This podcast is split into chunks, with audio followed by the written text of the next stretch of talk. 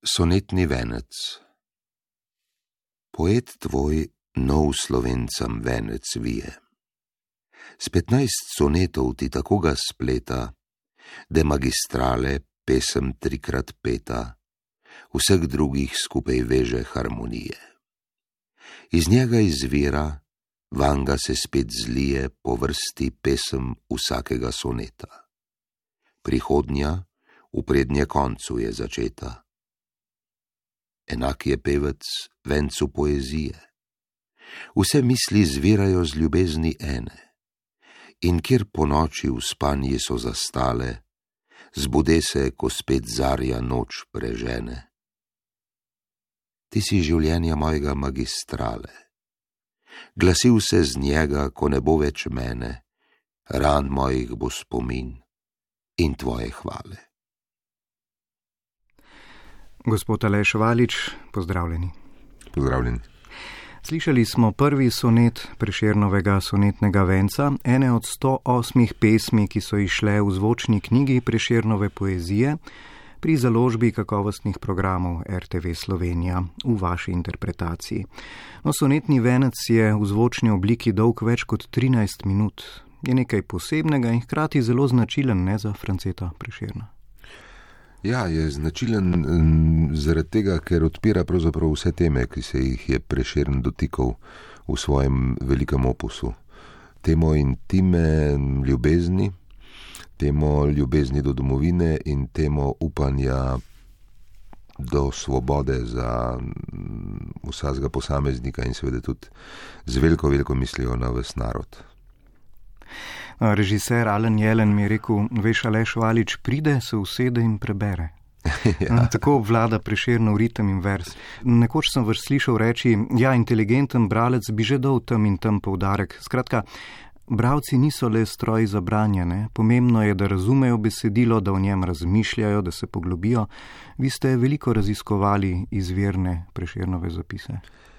Ja, jaz sem eh, nekoč davno nazaj se odločil, da bom naredil takrat še preširnovo kaseto in sem jo tudi naredil potem, tega je že mnogo desetletij.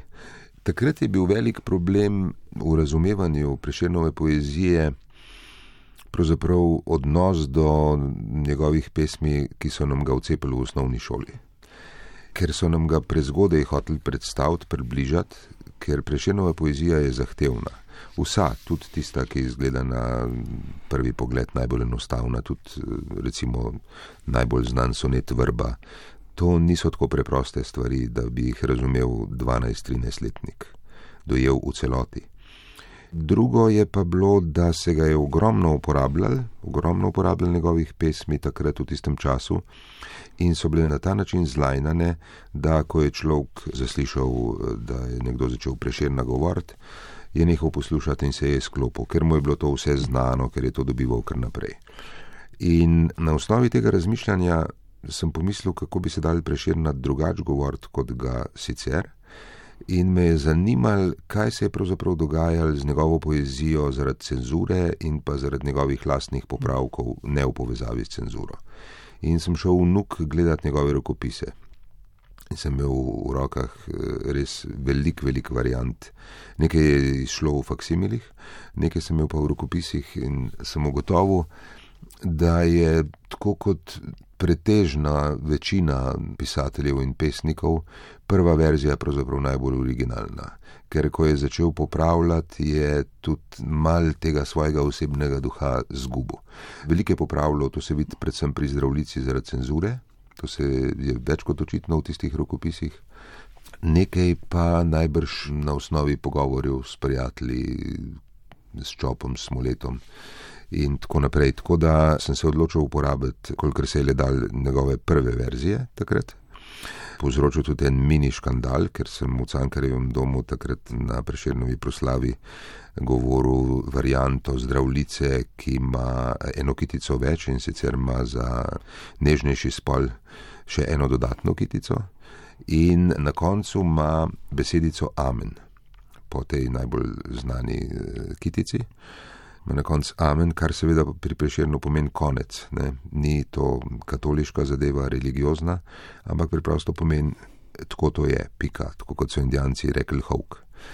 No, in je takrat en naš znan pesnik eh, prišel do mene in je rekel, da on pa res ne bi želel, da bi njegove rokopise kdo govoril, ampak samo natiskano izjavo. No, in sva se mal s težavo pogovorila, da pač so bili drugi časi, ko je preširen živo in da je zaradi cenzure moral marsikaj narediti. Za interpretacijo ste stare zapise kar posodobili, ne? kako in zakaj potem to pomembno? Ma pomembno je zaradi tega, ker to, to vidimo tudi danes pri zelo mladih ljudeh, pri otrocih. Jaz vidim pri unikih, eh, pri nečakov, tudi kako prav, uh, ta preširjen, to je bil mal moten, pogled, kaj je pisal, kakšne besede je uporabljal. Ne. Zavedati se je treba, da gre seveda tudi za takratni zapis da ni nujno, da se govori točno tako, kot je zapisano, da je de, je lahko tudi da in tako naprej. Razne oblike zapisa je treba, po mojem mnenju, govoriti tako, da jih približaš današnjemu ušesu. Ker tudi drugače celo na nek način, po mojem prepričanju, smešiš preširno poezijo, ker jo govoriš, kot da je stara, zastarela, kar pa ni. Njegova poezija je dejansko brezčasna. Slovenist profesor Jožef Aganel povdari prav pomen tega razumevanja vsebine, besed, miselnih vozlišč, ne on pravi. In površen bralec se pri preširnu kaj hitro lahko ujame v lajnanje, ne tudi vi ste prej to lajnanje omenili.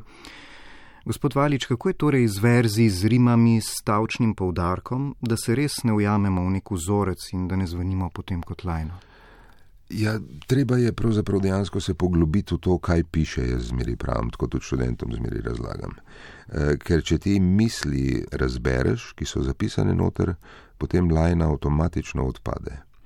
Prvič, ko prebereš, ko še ne razumeš, seveda se slišijo rime in je lajna in tako naprej, ampak ko ti ugotoviš te miselne poti skozi e, verze, potem lajna odpade, če jih začneš govoriti koliko pa nam preširen dovoli svobodne interpretacije, bi ga lahko govorili popolnoma zunaj okvirjev pričakovanega. Seveda, preširna se da govoriti kot vsako dobro poezijo, popolnoma, popolnoma po svoje, originalno na nek način, ker je preprosto dobra literatura to. Recimo ta način mi je prišel na uho, da vzamemo besedilo pesmi iz verzov, ga postavimo v linearni zapis, neko uh -huh. desej, če gremo dalje, vzamemo še vsa ločila ne? in potem, kje smo, kaj potem lahko naredimo. Ja, potem je mal težje razbrati, kaj zares piše. Sej ločila so pravzaprav. Dogovor, do katerega je prišlo, zaradi tega, da se besedila lažje razume ločila niso popolnoma nič drugega. Pri interpretaciji je pravzaprav ena od ključnih zadev, da ne upoštevaš ločil na način, da pri vejci greš gor, pri piki dol, pri klicaju poudariš, pri vprašaju narediš neke vrste vprašalni stavek, ampak da na novo sestaviš vsebino pesmi. Bi dodali še kakšno posebnost zvočnice? Jaz mislim, da če bodo ljudje poslušali preširnovo poezijo na način, da jo bojo hoteli slišati, da lahko dobijo res en uvid v to, kaj v resnici je preširno celoti napisal. Gospod Aleš Valič, vas so že zgodaj odkrili za mikrofon. Že sredi študija na akademiji ne ste sodelovali s tem radijem, našim sicer pa ste bili tudi moderator na radiju Študent, pa na radiju Trst ste nekaj delali. Ja, ja to je. Um, radio je res privlačen medij. In takrat, ko sem jaz študiral na akademiji, je bil radio Študent zares priljubljen med študenti. In oni so kar naprej imeli pomankanje, težko bi rekel takrat, moderatorjev, pač sodelavcev za mikrofon. In tam je bilo vzdušje res perfektno, tako ustvarjalno, tako malo uporniško proti takratnemu režimu, malo off-scena je bila. In off-scena je meni zmeraj odgovarjala, tako v gledališču, kot tudi eh, kje druge v drugih medijih. Eh, drugač pa so me dokaj hitro ja, uporabili tudi tukaj na nacionalki, če tako rečem, za branje kakšne poezije, še kot študenta. Nekako sem se zelo spoprijateljil z mikrofonom in z radijskim medijem, dost hiter. Ja. Tudi Vili Vodopivec je označil vaš glas za mikrofonski. ja, ja. Ah, Vili je bil um, res legenda. Eh, no, mikrofonski glas. Dejstvo je, da niso popolnoma vsi glasovi primerni za mikrofon. Meni je, se spomnim, en naš res znamenit, znamenit igralec je rekel, porka duša, leš ti imaš srečo, sem rekel, kaj pa je. To je bil namreč Lojze Rozman skupaj sva bila v garderobi v drami dolga leta. Je rekel, ti imaš tako srečo, ti imaš mikrofonski glas. Jaz sem rekel, Lojze, se ti, a, a, je rekel, ne.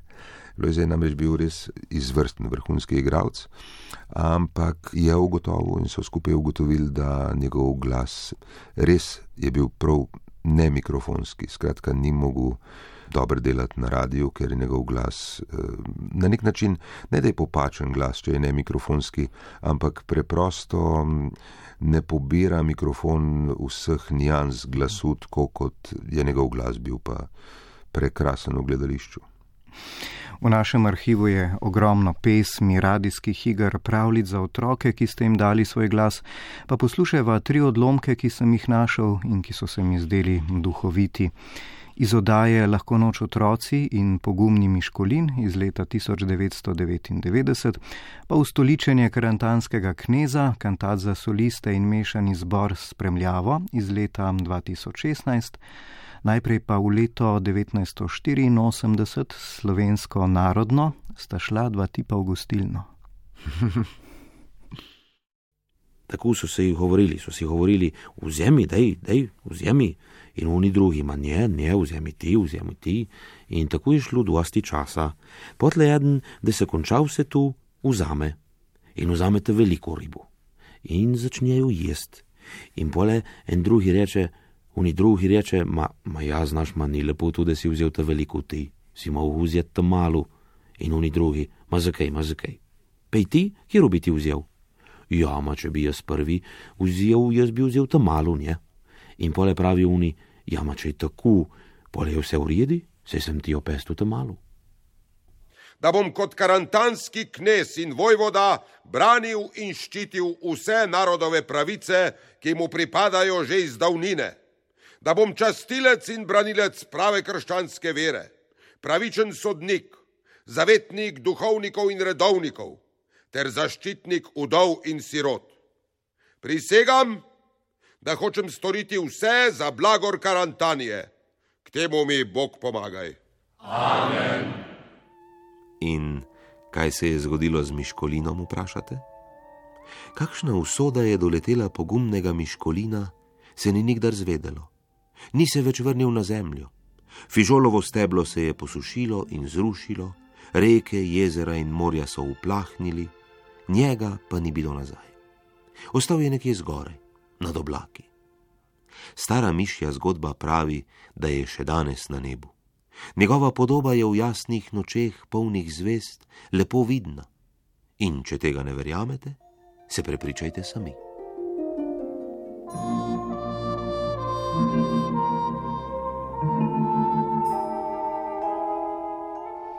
Gospod Aleš Valič, kot sami pravite, je potrebno celo življenje delati vaje za glas in za dih. Ne? Dih je tudi zelo pomemben. Pri mladih je, kot ste nekoč dejali, pogosto mnenje, da zvenijo bolj prepričljivo, če niso čisto tehnično in umetniško jasni. In da šele tam okoli 5 do 10 let po študiju vidimo, ali je igralec razvil res dobro tehniko. No, koliko se govorec skozi čas preoblikuje? Če daje pozornost svojemu razvoju, iz dneva v dan, dobesedno gre to poteka iz dneva v dan, potem se zelo, zelo oblikuje skozi leta, skozi leta dobrega dela. Ja, dih je dejansko osnova za vse naše delo z glasom. Pravijo ne, ti, ki se spoznajo bolj na fiziološke plati našega telesa, da smo pred eh, par stoletji vsi ljudje še dihali res prav in intenzivno, da nas je potem civilizacija pravzaprav začela. Nam je začela preprosto nagajati. Dih človeka se je preselil iz trebušne votline dejansko navzgor v prsni koš. Mi pa dobro vemo, da če ne dihaš s prepono, če prepona ni aktivna pri dihanju in pri govorjenju, potem udari vsa energija na glasilke in potem so seveda pri govorcih problemi. To imajo probleme različni poklici, ne samo igralski poklic, učitelji, tudi novinari na radiju, kot vem, špikeri, moderatori. Če tehnika ni pravilna, potem se dolg časa ne da dobro govoriti preprosto. In tudi dih je skrajšan, ni dovolj globok, ni preprosto dovolj zračnega stebra, da bi lahko dolge stavke tvoril, in potem se to pozna pri govoru.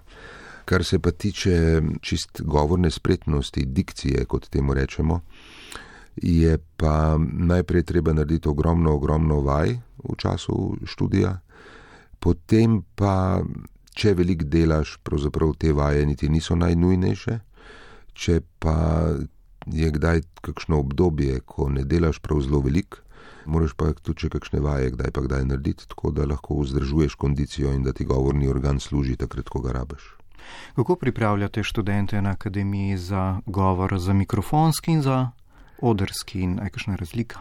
Ne, v praksi je pravzaprav samo razlika. Ne?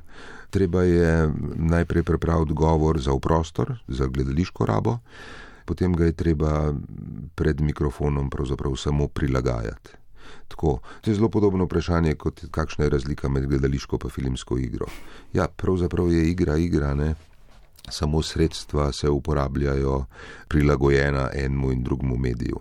In ravno tako je prilagojeno govorjenje za mikrofon. Pred mikrofonom je treba na nek način biti primer, pa usmerjen v mikrofon, obenem pa treba vse prostor pričarati, kot da, kot da obstaja pred mikrofonom. Ne? Radio ima dejansko ene velike prednosti pred drugimi mediji, ker slušno samo deluje na človeka, zaradi tega je domišljija relativno neomejena pri poslušalcu. Zdaj mi je padlo na pamet, na odru nagovarjaš množico, pred mikrofonom enega. Bi to, bi, bi to lahko bilo? ja, tudi tako bi se lahko pogledali. Ja. Ampak ne, sej, sej to nagovarjanje v, v prizoritvenih umetnostih je pravzaprav. Uh, še zmeraj fokusirano in tudi jaz mislim, da bo zmeraj tako ostal fokusirano na osebo, ki to izvaja in potem šele na množico ali pa na posameznika. Seveda je pojem bravca širok, ampak bi vseeno se rad dotaknil še tega razmerja, kaj je branje in kaj je interpretacija. Je meja res tako ostra in kaj umetniško besedo loči od kakšne druge. Sprašujem se zato, ker se mi zdi, da se ravno na tej meji veliko dogaja. Ne? Ja, jaz sem pripričan, da ta meja sploh ni tako zelo ostra in da jo je, tako bi rekel, treba jo je upoštevati, se je zavedati, pa vendar se je ne držati kot pijan plota. Seveda ni primerno za zvočne knjige, če se spustiš v kakšno tako interpretacijo, da je, bi rekel, ekstatična, da gre za zelo divje zadeve potem v rezultatu. Ampak, če si mi predstavljamo mm, kakšen lik, ja, bedanca recimo, ne. Ja, bedanca kljub vsemu ne moreš tako uh, govoriti, kot da načni, ne. Da bo bedanc prišel pa bo rekel, hej, kekec, veš kaj, ti pa nisi fund, ne ampak je treba neke interpretacije, da ga pričaraš, da pričaraš njegov svet. Tako da je to mejo treba stalno, stalno loviti, upoštevati, jo brisati. In jaz sem zelo prepričan, če so misli urejene, potem ta problem pravzaprav odpade. Je pa sam ta pojav nastopa nekaj zanimivega, ne? Se mi zdi povedati, kdaj stvari naravno, tako kot je, je najtežje. Recimo, ko stopimo pred mikrofon, pred občinstvo, že v šoli, naprimer, ko se interpretira pesmi ali pa ko je na vrsti kak govor, je pogosto občutek, se mi zdi, da moramo postati nekdo drug, da moramo svoj glas in način govora približati naši predstavi o tem, kaj je dober nastop. In potem hitro začnemo oponašati nek ideal nekega govorca, ki ga imamo nekje v podzavesti. Verjetno. Ja, seveda, se to je to. E, ljudje, ki se veliko ukvarjajo s tem, to razrešijo, ljudje, ki pa to delajo res samo občasno, pa padejo te, v to težavo, ja, da potem nekaj idealizirajo in pravzaprav hočejo preveč. Ti moraš samo tako govoriti, da ljudje razumejo in lahko posrkajo vsebino ven. Židuzga. Pa poslušajmo še en del sonetnega venca Franceta Preširna. In gnale bodo nov cvet bolj veselo, ko rože, kadar mine zima huda in spet pomlad razklada svoja čuda, razsipa po drevesih cvetje belo. In toplo sonce vabi ven čebelo, pastir rumene zarje ne zamuda, v grmovji slavček poje spet brez truda, veselje preleti naturo celo. O, vem, da niso vredne take sreče. Od straha, da nadležne poezije bi ne bile ti, mi srce trepeče. Naj pesmi milost tvoja vsaj obsije, ki z njih hladiti rane si skeleče, poet tvoj nov slovencam venec vije. Spoštovani profesor Aleš Valič, hvala vam za te misli o umetniški besedi. Poezijo Franceta Preširna lahko slišimo v vaši interpretaciji v novi zvočni knjigi, ki je išla pri založbi kakovostnih programov RTV Slovenija. Ob tej priložnosti pa omenimo še dve, ki sta išli v tem času: Ivana Predmorjem, Veronike Simoniti in sestre Vinka Medrendorferja. Kmalu sledita še zvočnici obeh maturitetnih branj in znameniti butalci. Letos namreč obeležujemo 90. obletnico smrti Frana Milčinskega. Spoštovane poslušalke, cenjeni poslušalci, hvala za poslušanje. Odajo sem vodil Žiga Bratoš, za zvok je poskrbel tonski mojster Franz Moder. Pozdravljeni.